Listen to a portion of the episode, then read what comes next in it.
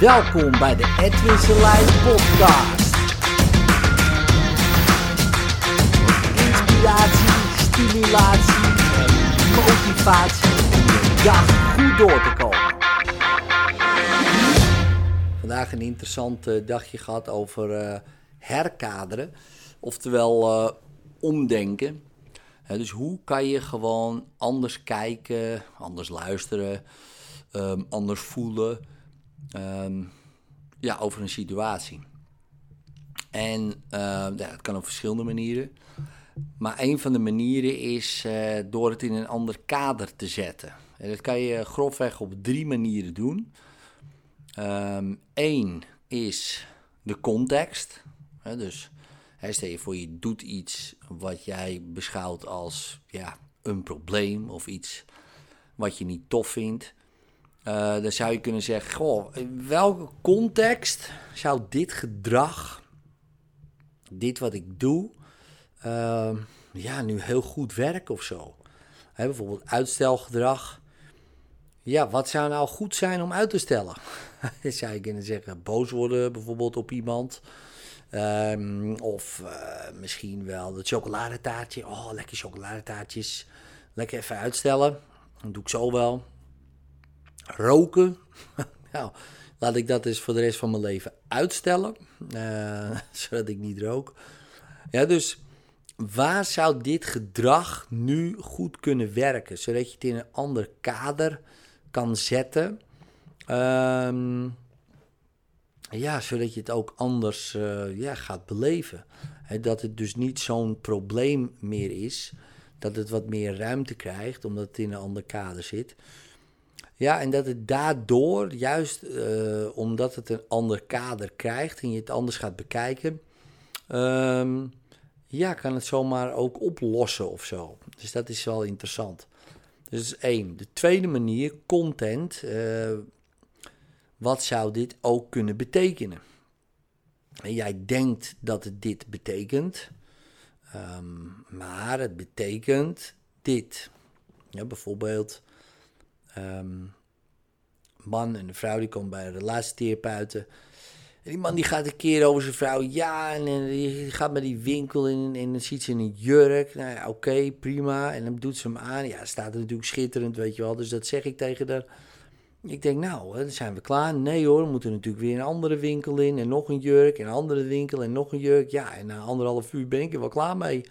En dan denk ik van, eh, ja, nog steeds schitterend. Maar eh, het komt er iets beroerder uit, zeg maar. Ja, vrouw boos, dit en dat. En ik denk, man, ik ga gewoon naar een winkel. Ik doe een broek aan, die past. En ik ga weg. Zo simpel is het.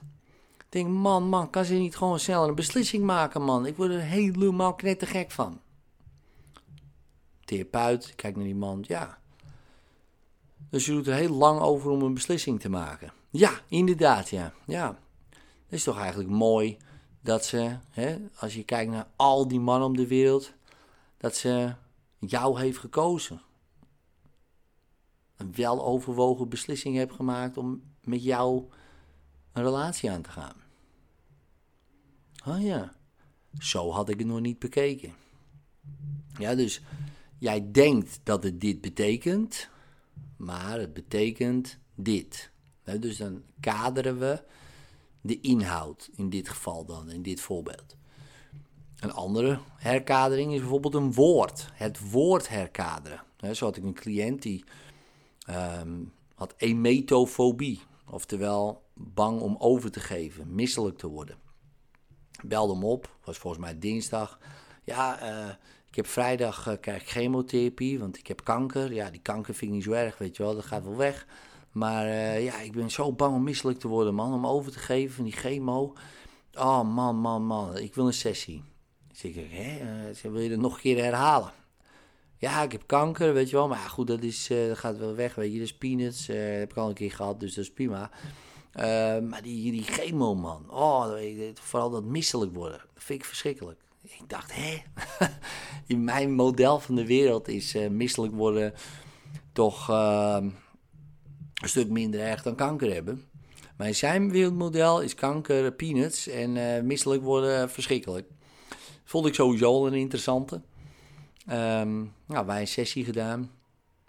En uh, dat woord herkader. Dus ik dacht, ja, chemotherapie betekent misselijkheid. Maar ik had ergens een keer gelezen van iemand die had dat geherkaderd voor zichzelf naar levenswater. Die chemo is mijn levenswater, maakt me helemaal schoon. Helemaal schoon van binnen. Dus ik begon tegen hem daarover te vertellen. levenswater. Ik heb ook nooit meer chemo genoemd, alleen maar levenswater, levenswater. Nou, we hebben ook een sessie gedaan, maar ook dat woord de hele tijd gebruikt.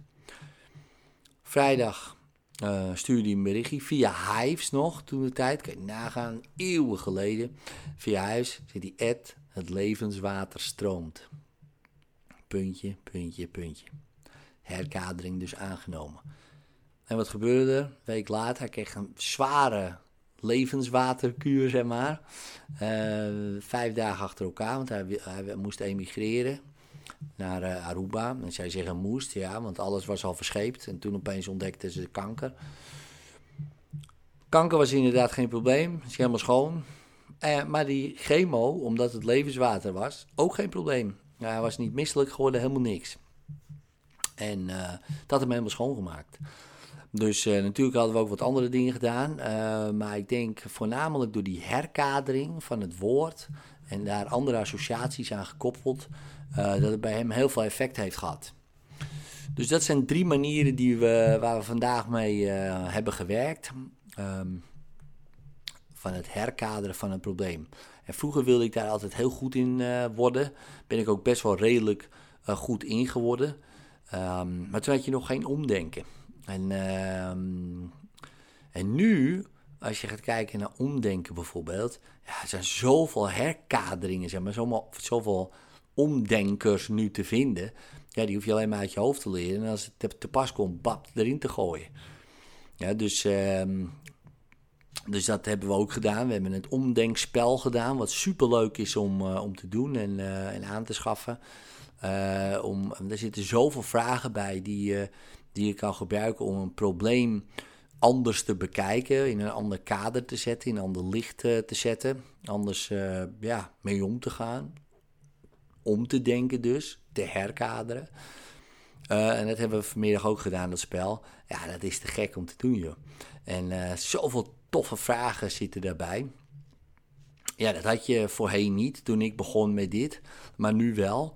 Dus, uh, dus mocht je daar zelf ook beter in willen worden, weet je wel, om dingen anders te bekijken, sneller te schakelen, creatiever te zijn, uh, misschien betere vragen te stellen in je coachingsgesprekken of andere vragen te stellen in je coachingsgesprekken, kan ik je echt van harte aanbevelen om, uh, om het omdenkspel uh, aan te schaffen. Want er zitten zoveel te gekke vragen in. Um, ja, dus ik zou zeggen, doe daar je voordeel mee. En zet soms dingen gewoon in een ander kader. Dat kan je enorm, enorm helpen. Succes!